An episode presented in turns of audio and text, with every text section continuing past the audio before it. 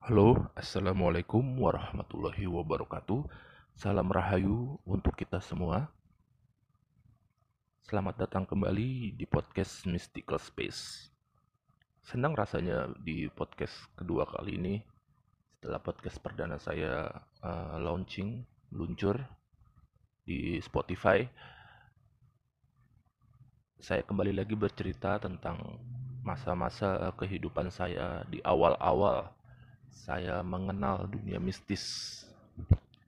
Dan pada podcast kedua kali ini, saya akan membawa kalian semua ke era periode tahun 1998, di mana cerita ini masih sangat-sangat melekat di dalam diri saya. Saya Sinister, dan ini cerita saya. Kita semua bangsa Indonesia mengenal tahu apa yang terjadi tahun 1998 tentunya. Peristiwa besar yang mengubah wajah sejarah Indonesia menjadi tonggak baru dalam kehidupan berbangsa kita. Sebuah periode orde berakhir digantikan periode Orde terbaru. Bagaimana kebebasan-kebebasan yang dulu pernah terbelenggu kembali bisa terbuka pintunya selebar-lebarnya. Tetapi mystical space tidak akan membicarakan tentang sesuatu hal yang berbau politik. Karena pada dasarnya Mystical Space adalah podcast yang membahas tentang masalah-masalah yang berhubungan tentang dunia mistis atau dunia spiritual. Di dunia kita tentu mengenal hal yang bersifat goib. Dan di tahun 1998, mohon maaf sebelumnya, banyak peristiwa-peristiwa yang memilukan yang terjadi di sekeliling kita tentunya. Bagi kalian yang pasti uh, yang pernah mengalami atau ingat masa-masa kondisi di tahun 1998 bagaimana rasa mencekamnya semuanya pasti kalian pasti ingat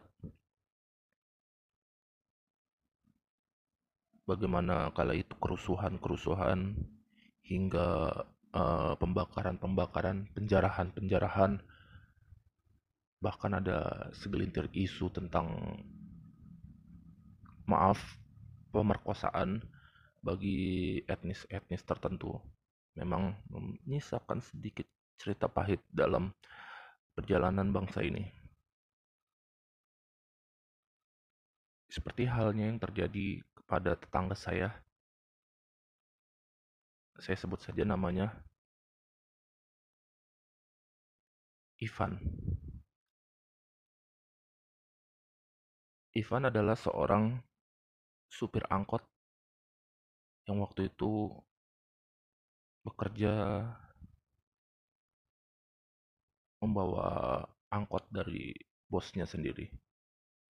Jadi Ivan ini tidak memiliki angkot ya, jadi dia hanya sebagai supir saja tetapi memang terkadang angkotnya itu suka dibawa pulang dan kal dan apa namanya Ivan ini hanya setoran saja kepada bosnya itu.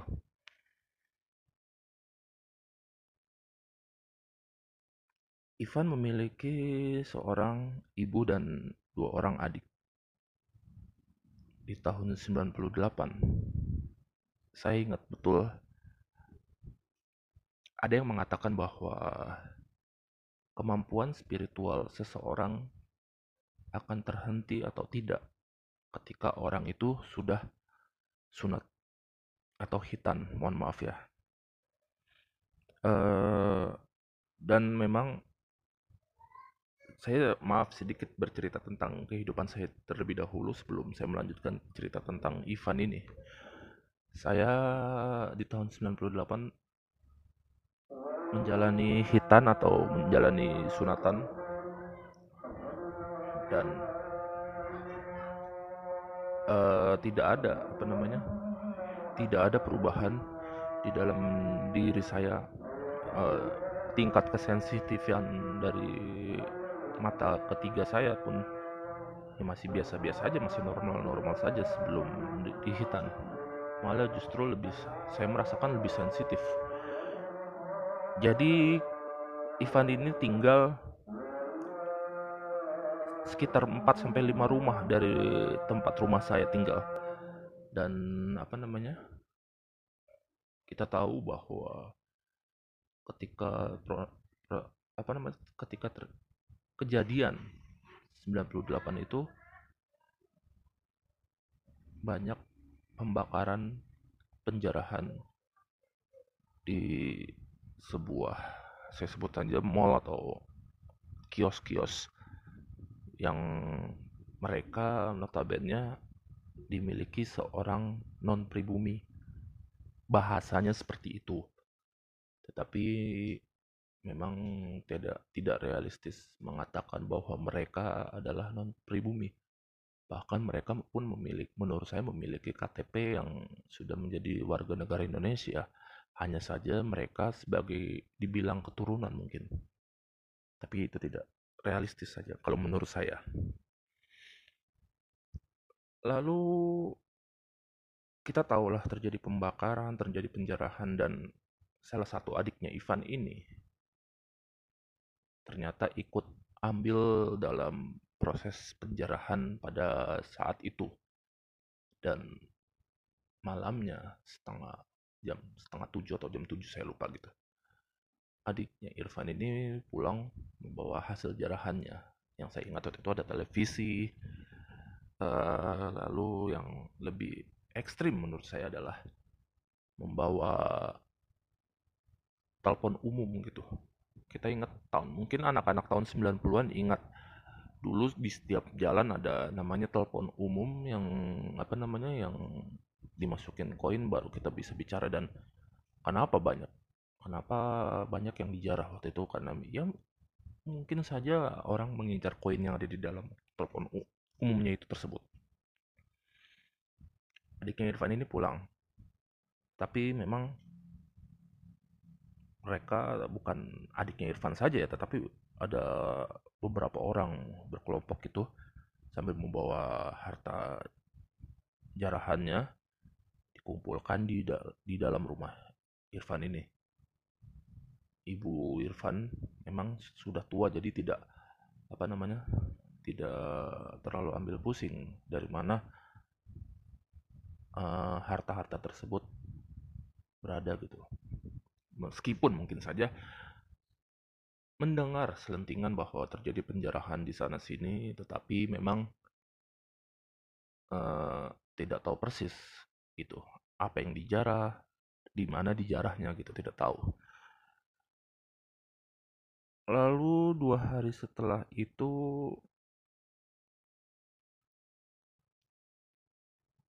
tepatnya jam 7 atau jam 8 malam ada apa namanya sekelompok orang-orang yang berpakaian preman tetapi saya baru tahu ternyata mereka adalah polisi yang menciduk adiknya Ir adiknya Ivan ini dan teman-temannya. Dan mau tidak mau apa namanya mereka harus dibawa ke kantor polisi dan Ivan ini di pada saat hari kejadian itu ternyata lima hari dia tidak pulang ke rumah jadi hanya adik-adiknya dan ibunya saja yang ada di rumah sana. Mendengar kabar adiknya ditangkap, Ivan ternyata pulang ke rumah menemui ibunya. Dan kebetulan uh, Ivan juga sempat berbincang dengan ayah saya bagaimana bagaimananya kondisinya, kenapa alasannya kenapa dia tidak pulang juga dan saya juga uh, sempat bertanya dari mana bang? Kok baru kelihatan? Gitu. Iya, dia bicara katanya pada saat kejadian apa namanya uh, penjarahan jalanan ditutup dan banyak uh, polisi memperlakukan jam malam katanya waktu itu. Jadinya sulit untuk bisa dia pulang ke rumah. Karena kan juga banyak jalanan-jalanan yang ditutup. Tidak semua jalanan bisa dibuka bisa dilalui gitu. Dan jam-jam tertentu sudah selesai apa namanya sudah selesai untuk beroperasi untuk berkegiatan. Tidak boleh ada orang-orang yang berkerumun atau berkumpul di luar. Jelasnya kepada saya. Singkat cerita Irfan juga di apa namanya diambil polisi bukan untuk ditangkap melainkan untuk ditanyakan e, meminta keterangannya. Dan singkat cerita juga e, saya tidak melihat lagi adiknya Ivan hingga hari ini. Entah adiknya Ivan itu masih ditahan atau bagaimana saya juga nggak nggak tahu dan apa namanya nggak mau ikut campur lebih mendalam dan sampai saat ini pun uh, mohon maaf kalau saya bercerita keluarga Ivan juga masih tinggal di dekat rumah saya dan uh, saya juga tidak uh, sudah meminta izin kepadanya untuk mengangkat cerita ini di podcast Mystical Space. Lalu seminggu setelah kejadian apa namanya seminggu setelah kejadian itu Ivan kembali apa namanya me, bekerja lah. Menjalankan supir angkot. Dan di sini cerita sisi mistis itu dimulai. Ketika pukul 6 sore saya sebut saja Ivan ini mengambil proyek Klender, stasiun Klender, ya Jakarta Timur. Kalau kalian mungkin pernah uh, mendengar cerita ini, ya ini adalah memang benar-benar kejadian nyata. Stasiun Klender, Jatinegara. Ketika melintasi stasiun Klender ke Jatinegara, Ivan ini disetop oleh sekumpulan ada empat lim, empat orang waktu itu. Dia bilang tiga tiga perempuan dua dua tiga, tiga perempuan satu laki-laki dan yang dua ini ternyata anak kecil. Dia bercerita uh, mereka naik tetapi di dalam angkot itu Ivan merasakan hanya kok diam gitu. Dan sesekali apa namanya sesekali tercium aroma yang tidak enak bau-bau seperti bau mohon maaf bangkai. Dan ya Ivan mungkin hanya ber, beranggapan bahwa itu adalah bangkai dari tikus atau bangkai ya atau mungkin mereka para penumpang tersebut menginjak kotoran atau bagaimana lah kita juga tidak tahu tetapi memang baunya itu semakin di apa namanya semakin lama semakin terasa gitu di penciuman dari Ivan itu. Ceritanya seperti itu. Dan ketika ingin sampai ke arah saya sebut saja ya Mall Klender sebelum itu ada apa namanya ada pom bensin di situ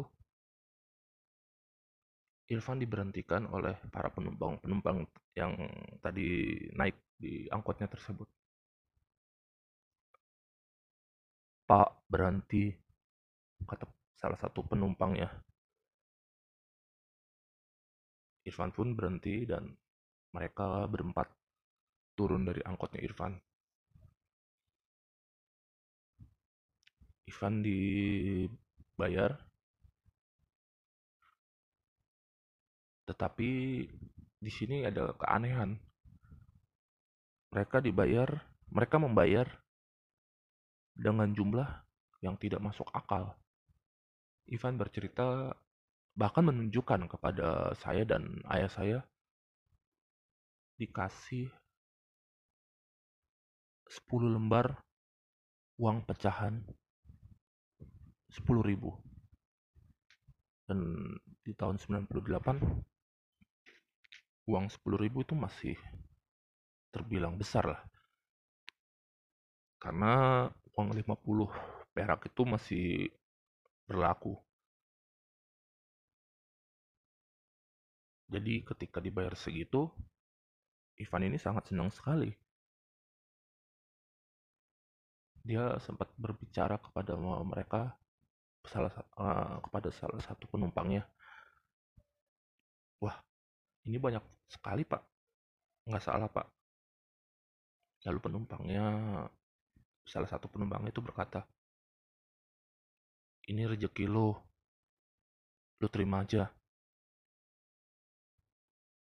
Ivan pun hanya bisa senyum-senyum saja sambil mengucapkan terima kasih. Terima kasih Pak, terima kasih, kata Irfan. Dan salah satu penumpangnya juga berkata, udah sana pergi. Nggak usah narik lagi. Langsung pulang aja. Itu salah satu ucapan dari penumpang yang ngasih uang ke Ivan itu. Tahu setelah Irfan mendapatkan uang, Ivan pun akhirnya uh, memutar balik mobilnya untuk tidak melanjutkan narik angkotnya lagi. Dia pulang, mobilnya dibawa pulang ke rumah, tidak dibawa ke rumah bosnya atau tidak dikembalikan ke rumah bosnya karena mungkin rasa saking senangnya gitu di dalam diri Ivan karena telah mendapatkan uang jumlahnya besar gitu. Ivan pulang dan ketemu sama ayah dan saya tentunya di uh, depan rumah karena memang rumah Ivan itu ketika ketika Ivan pulang ke rumahnya, ya dia melewati atau melintasi rumah saya. Waktu itu bapak saya uh, berkata kepada Ivan, "Pan, seneng banget kayaknya nih." Tanya bapak saya ke Ivan. "Ya nih, Pak. Habis dapat rezeki." Kata Ivan seperti itu ke uh, menjelaskan kepada bapak saya gitu. Nah, di sini saya melihat ada sesuatu hal yang mengikuti Ivan. Jadi saya melihat ada empat entitas. Satu laki-laki, satu perempuan, dan dua anak kecil juga perempuan. Saya melihat dua anak kecil itu sekitar usianya 12 sama 9 tahun. Kurang lebih seperti, seumuran seperti itu. Dan mereka hanya tertunduk seperti mengikuti Ivan ke mana pun Ivan melangkah.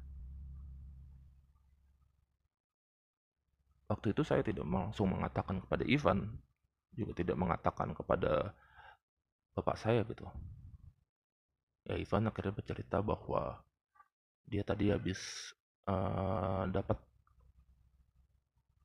penumpang arahnya dari stasiun Klender uh, menuju ke mall Klender. Tapi sebelum sampai mall di apa namanya di sebuah pom bensin mereka minta berhenti dan mereka turun lalu membayar uang jumlahnya banyak bapak saya waktu itu hanya bisa meledek Ivan saja. Wah, bisa nih kayaknya traktir-traktir nasi goreng gitu kata bapak saya pada Ivan. Wah, tenang pak, cuma nasi goreng mah. Ayo kita makan. Jawab Ivan itu seperti itu. Karena Ivan masih belum menyadari apa yang terjadi. Akhirnya iseng nih bapak saya bilang kepada Ivan coba lihat dong uangnya kali aja gitu jumlahnya lebih ada yang nempel atau keselip gitu kata bapak saya nah Ivan akhirnya membuka tas uh, yang ada di pinggangnya gitu. Dibuka. Pas dicek ternyata di dalamnya ada uang receh. Uang-uang receh ya seribuan lima ratusan seratusan seratus perak ya karena memang waktu itu ada seratus perak tuh masih bisa untuk uh, transaksi gitu. Ada uang seratus perak kertas tentunya. Dan yang lebih mengejutkan ternyata di dalam uang sepuluh ribuan yang jumlahnya ada lima kata Ivan itu tidak ditemukan. Hanya berganti lima lembar daun. Iya, lima lembar daun daun nangka, daun pohon nangka seperti pohon nangka. Karena saya pernah melihat sekali bentuk pohon nangka, daunnya itu seperti apa. Iya, lima ada lima lembar. Betapa kagetnya Ivan melihat kejadian itu. Dia sampai sok sampai nggak bisa berbicara apa-apa akhirnya duduk. Sampai dia berkata demi Allah tadi saya dapat uang itu dan saya masukin ke sini. Kata Ivan itu mencoba menjelaskan kepada bapak saya akhirnya saya disuruh bapak saya untuk masuk ke dalam untuk uh, ngambil air putih untuk Ivan biar Ivan itu tenang dulu dan anehnya, saya tetap masih memperhatikan lima entitas yang ada di sampingnya Ivan itu.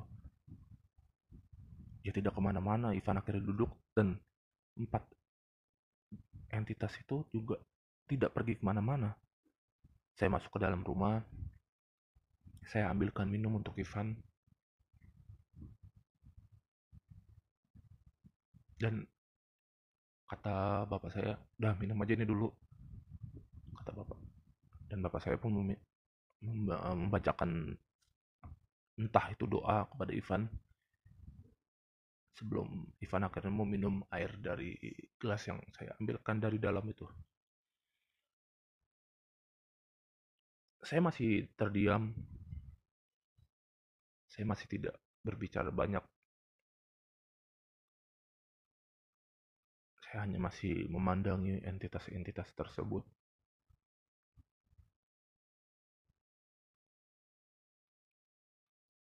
akhirnya salah satu entitas laki-laki membawa saya melalui pikiran saya. Saya duduk di samping bapak saya. Bapak saya coba menenangkan Ivan, tetapi di dalam duduk saya itu pikiran saya seperti diberikan gambaran kejadian pada saat peristiwa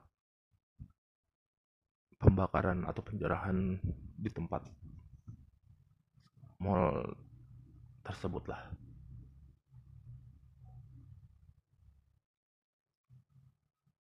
Akhirnya saya melihat bagaimana empat entitas ini ikut ternyata ikut ambil bagian dari penjarahan tersebut. Tetapi mereka tidak bisa keluar karena semua akses pintu sudah terkurung oleh api dan api tersebut akhirnya yang membakar mereka. Dan kenapa mereka minta berhenti di pom bensin dekat mall tersebut? Karena ketika jasad-jasad mereka semua dievakuasi dari dalam mall tersebut, mereka semua dikumpulkan di pom bensin tersebut.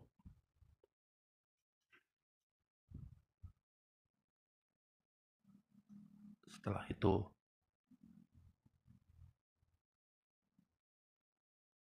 Ivan tiga hari berturut-turut katanya bermimpi didatangi oleh empat orang yang dia bawa di dalam angkot tersebut. Dan akhirnya ayah saya membawa Ivan ke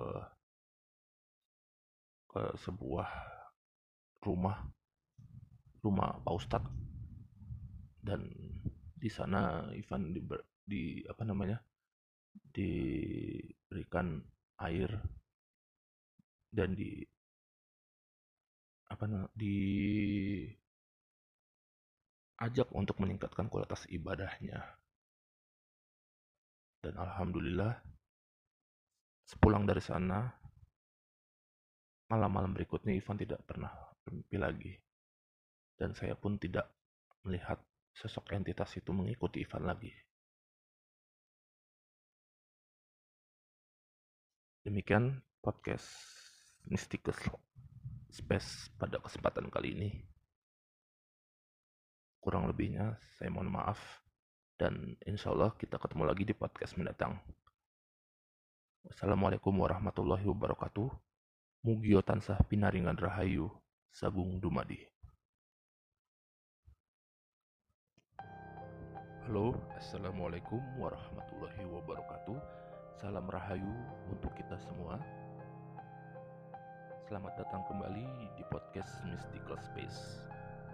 Senang rasanya di podcast kedua kali ini setelah podcast perdana saya uh, launching, luncur di Spotify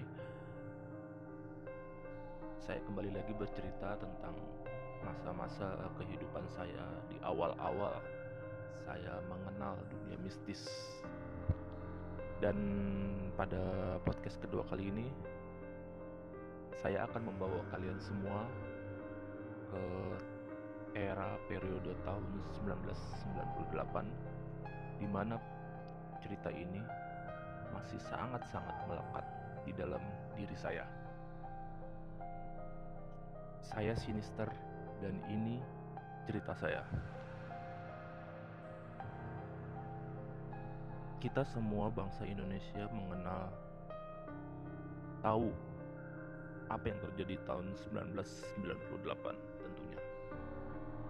Peristiwa besar yang mengubah wajah sejarah Indonesia menjadi tonggak baru dalam kehidupan berbangsa kita.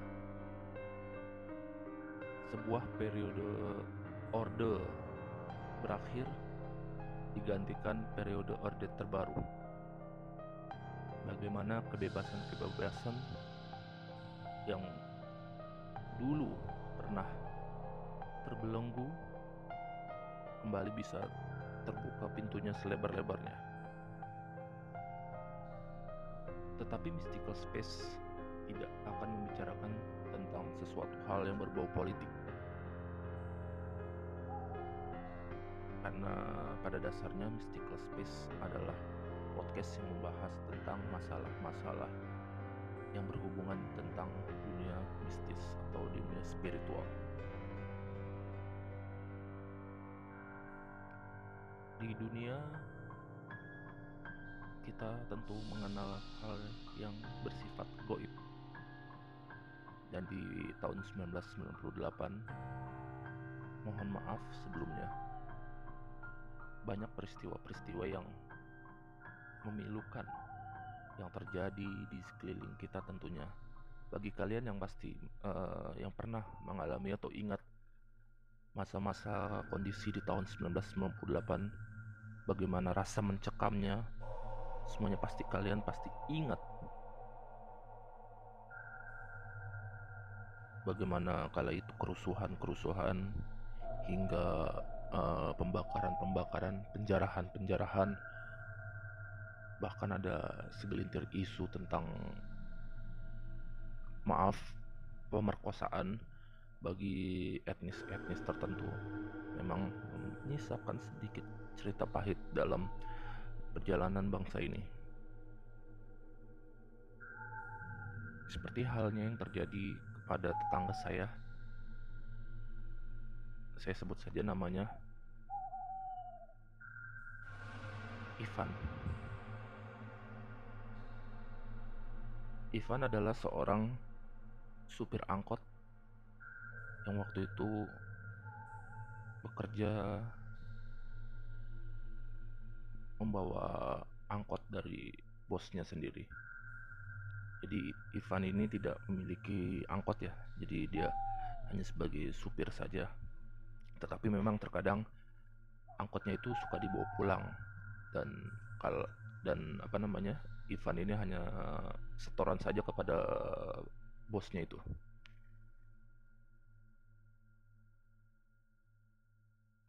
Ivan memiliki seorang ibu dan dua orang adik. Di tahun 98, saya ingat betul ada yang mengatakan bahwa kemampuan spiritual seseorang akan terhenti atau tidak ketika orang itu sudah sunat atau hitan, mohon maaf ya. Uh, dan memang saya maaf sedikit bercerita tentang kehidupan saya terlebih dahulu sebelum saya melanjutkan cerita tentang Ivan ini. Saya di tahun 98 menjalani hitan atau menjalani sunatan. Dan uh, tidak ada apa namanya tidak ada perubahan di dalam diri saya uh, tingkat kesensitifan dari mata ketiga saya pun ya masih biasa-biasa aja masih normal-normal saja sebelum dihitan malah justru lebih saya merasakan lebih sensitif jadi Ivan ini tinggal sekitar 4 sampai 5 rumah dari tempat rumah saya tinggal. Dan apa namanya? Kita tahu bahwa ketika apa namanya? Ketika ter, kejadian 98 itu banyak pembakaran penjarahan di sebuah saya sebut saja mall atau kios-kios yang mereka notabene dimiliki seorang non pribumi bahasanya seperti itu. Tetapi memang tidak tidak realistis mengatakan bahwa mereka adalah non pribumi bahkan mereka pun memiliki menurut saya memiliki KTP yang sudah menjadi warga negara Indonesia hanya saja mereka sebagai dibilang keturunan mungkin. Tapi itu tidak realistis saja kalau menurut saya. Lalu kita tahulah terjadi pembakaran terjadi penjarahan dan salah satu adiknya Ivan ini ternyata ikut ambil dalam proses penjarahan pada saat itu. Dan malamnya setengah jam setengah tujuh atau jam tujuh saya lupa gitu. Adiknya Irfan ini pulang membawa hasil jarahannya. Yang saya ingat waktu itu ada televisi. Uh, lalu yang lebih ekstrim menurut saya adalah membawa telepon umum gitu. Kita ingat tahun mungkin anak-anak tahun 90-an ingat. Dulu di setiap jalan ada namanya telepon umum yang apa namanya yang dimasukin koin baru kita bisa bicara. Dan kenapa banyak? Kenapa banyak yang dijarah waktu itu? Karena ya mungkin saja orang mengincar koin yang ada di dalam telepon umumnya itu tersebut. Adiknya Irfan ini pulang. Tapi memang mereka bukan adiknya Irfan saja ya tetapi ada beberapa orang berkelompok itu sambil membawa harta jarahannya dikumpulkan di da di dalam rumah Irfan ini. Ibu Irfan memang sudah tua jadi tidak apa namanya tidak terlalu ambil pusing dari mana eh, harta-harta uh, tersebut berada gitu. Meskipun mungkin saja mendengar selentingan bahwa terjadi penjarahan di sana sini tetapi memang uh, tidak tahu persis itu apa yang dijarah di mana dijarahnya gitu tidak tahu. Lalu dua hari setelah itu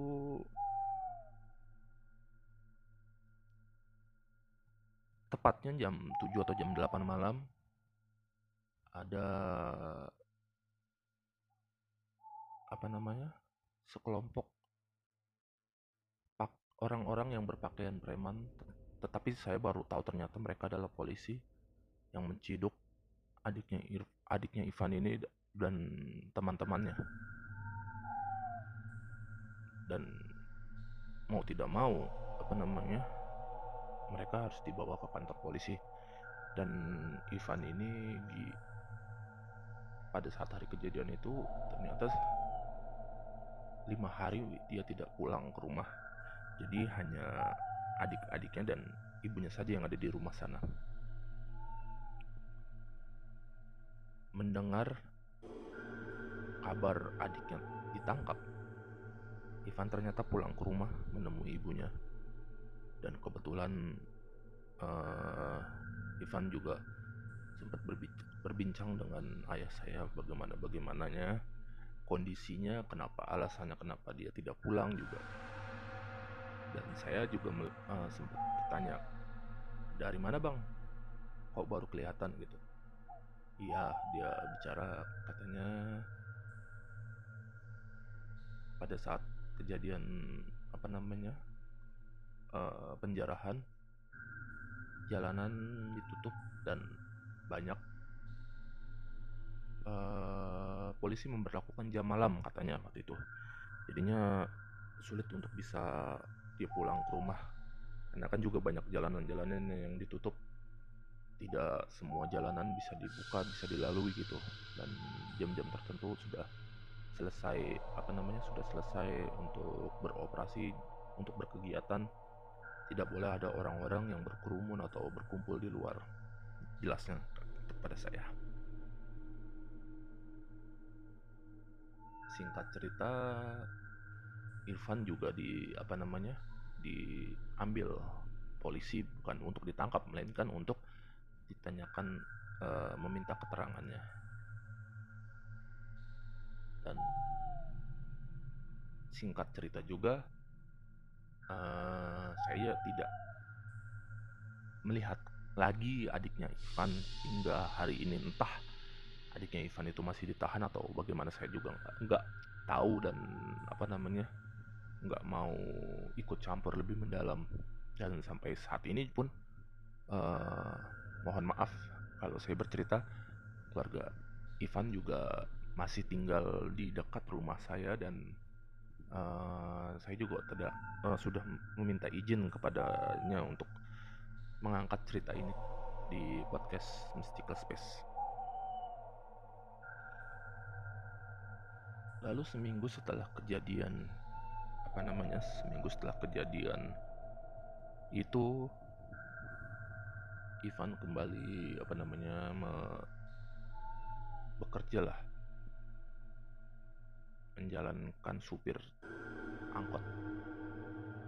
Dan di sini cerita sisi mistis itu dimulai. Ketika pukul 6 sore saya sebut saja Ivan ini mengambil proyek Klender. Stasiun Klender. Ya Jakarta Timur kalau kalian mungkin pernah uh, mendengar cerita ini ya ini adalah memang benar-benar kejadian nyata. Stasiun Klender Jatinegara. Ketika melintasi stasiun Klender ke Jatinegara. Ivan ini disetop oleh sekumpulan. Ada empat lim, empat orang waktu itu dia bilang tiga. Perempuan dua dua tiga, tiga perempuan satu laki-laki dan yang dua ini ternyata anak kecil. Dia bercerita uh, mereka naik tetapi di dalam angkot itu Ivan merasakan hanya kok diam? gitu. Dan sesekali apa namanya sesekali tercium aroma yang tidak enak bau-bau seperti bau mohon maaf bangkai. Dan ya Ivan mungkin hanya ber, beranggapan bahwa itu adalah bangkai dari tikus atau bangkai ya atau mungkin mereka para penumpang tersebut menginjak kotoran atau bagaimana lah kita juga tidak tahu. Tetapi memang baunya itu semakin di apa namanya semakin lama semakin terasa gitu di penciuman dari Ivan itu. Ceritanya seperti itu. Dan ketika ingin sampai ke arah saya sebut saja ya Mall Klender sebelum itu ada apa namanya ada pom bensin. Di situ Irfan diberhentikan oleh para penumpang-penumpang yang tadi naik di angkotnya tersebut.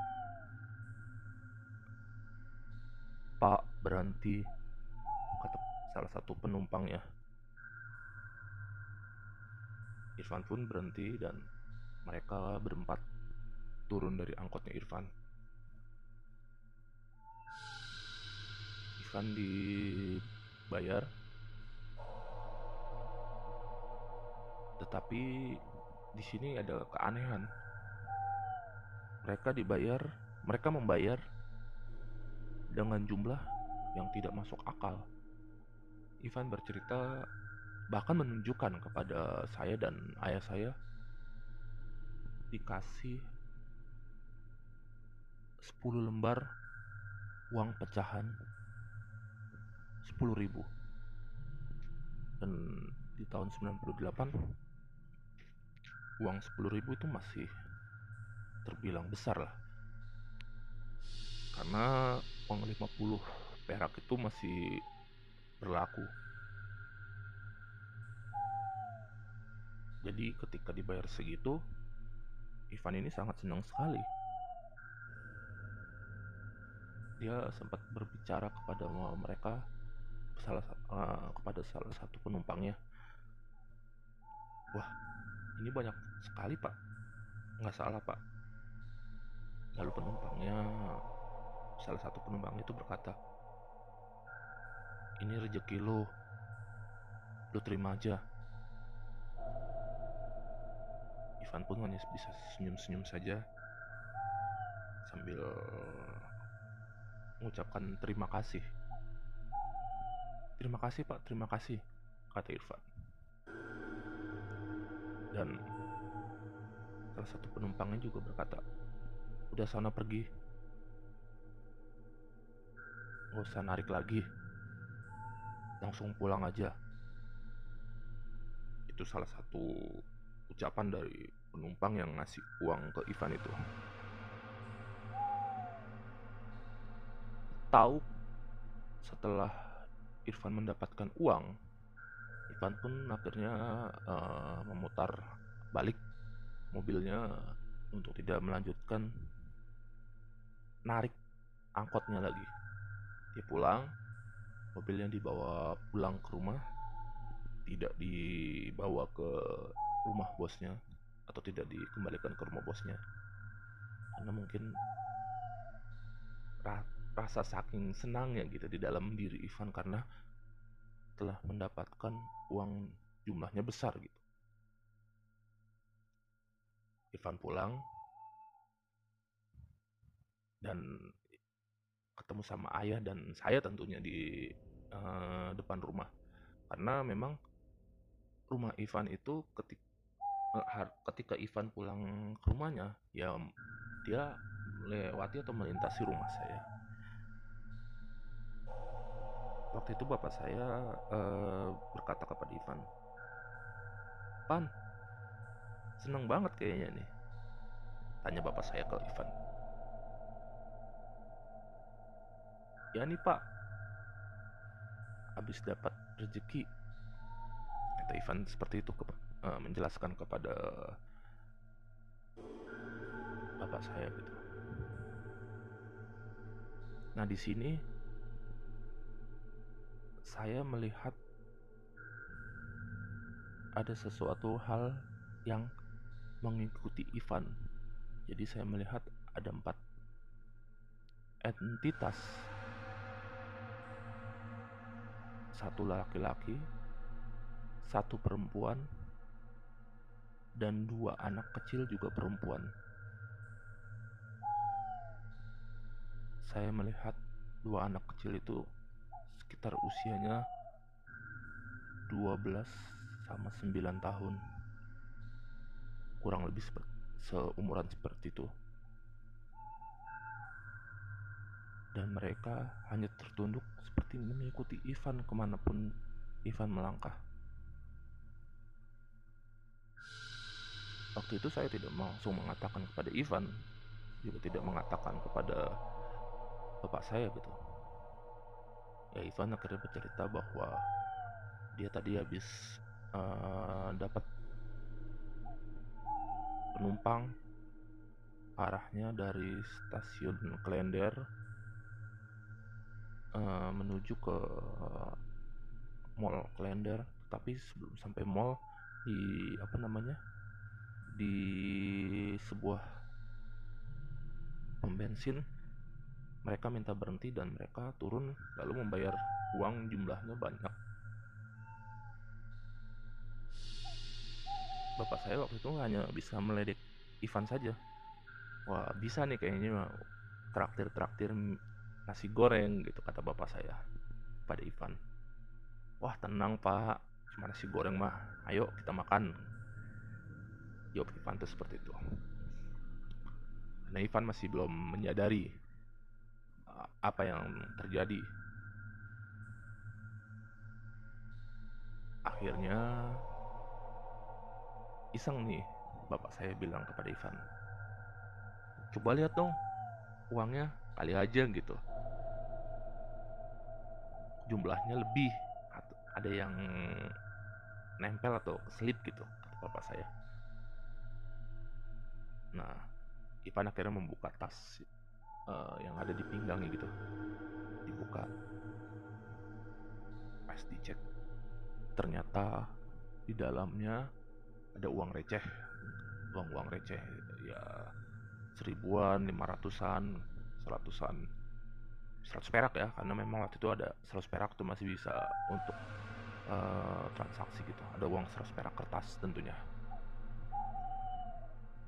Dan yang lebih mengejutkan ternyata di dalam uang sepuluh ribuan yang jumlahnya ada lima kata Ivan itu tidak ditemukan. Hanya berganti lima lembar daun. Iya, lima lembar daun daun nangka, daun pohon nangka seperti pohon nangka. Karena saya pernah melihat sekali bentuk pohon nangka, daunnya itu seperti apa. Iya lima, ada lima lembar.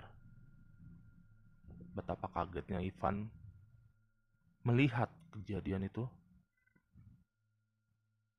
Dia sampai sok sampai nggak bisa berbicara apa-apa akhirnya duduk. Sampai dia berkata demi Allah tadi saya dapat uang itu dan saya masukin ke sini. Kata Ivan itu mencoba menjelaskan kepada bapak saya. Akhirnya saya disuruh bapak saya untuk masuk ke dalam untuk uh, ngambil air putih untuk Ivan biar Ivan itu tenang dulu dan anehnya, saya tetap masih memperhatikan lima entitas yang ada di sampingnya Ivan itu. Dia tidak ke mana-mana, Ivan akhirnya duduk dan empat entitas itu juga tidak pergi ke mana-mana. Saya masuk ke dalam rumah, saya ambilkan minum untuk Ivan dan kata bapak saya udah minum aja ini dulu kata bapak. Dan bapak saya pun membacakan entah itu doa kepada Ivan. Sebelum Ivan akhirnya mau minum air dari gelas yang saya ambilkan dari dalam itu. Saya masih terdiam. Saya masih tidak berbicara banyak. Saya hanya masih memandangi entitas-entitas tersebut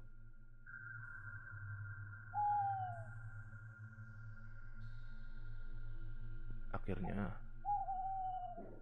salah satu entitas laki-laki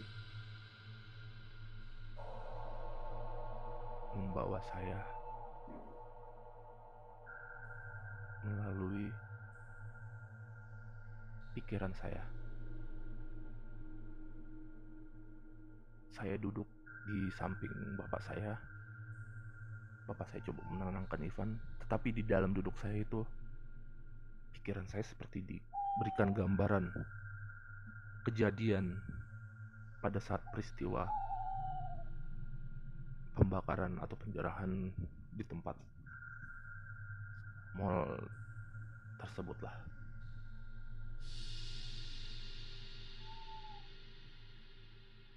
Akhirnya saya melihat bagaimana empat entitas ini ikut ternyata ikut ambil bagian dari penjarahan tersebut. Tetapi mereka tidak bisa keluar karena semua akses pintu sudah terkurung oleh api dan api tersebut. Akhirnya yang membakar mereka. Dan kenapa mereka minta berhenti di pom bensin dekat mall tersebut. Karena ketika jasad-jasad mereka semua dievakuasi dari dalam mall tersebut mereka semua dikumpulkan di pom bensin tersebut.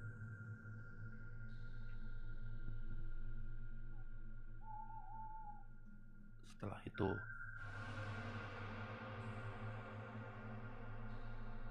Ivan tiga hari berturut-turut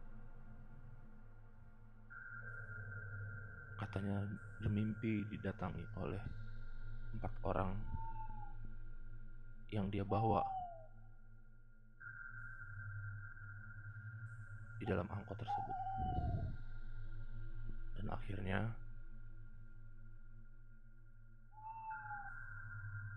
ayah saya membawa Ivan ke ke sebuah rumah rumah Pak Ustadz. Dan di sana Ivan di, di apa namanya diberikan air dan di apa namanya di ajak untuk meningkatkan kualitas ibadahnya. Dan alhamdulillah sepulang dari sana malam-malam berikutnya Ivan tidak pernah bermimpi lagi dan saya pun tidak melihat sosok entitas itu mengikuti Ivan lagi. Demikian podcast Mystical Space pada kesempatan kali ini. Kurang lebihnya saya mohon maaf dan insya Allah kita ketemu lagi di podcast mendatang. Assalamualaikum warahmatullahi wabarakatuh. Mugio tansah pinaringan rahayu sagung dumadi.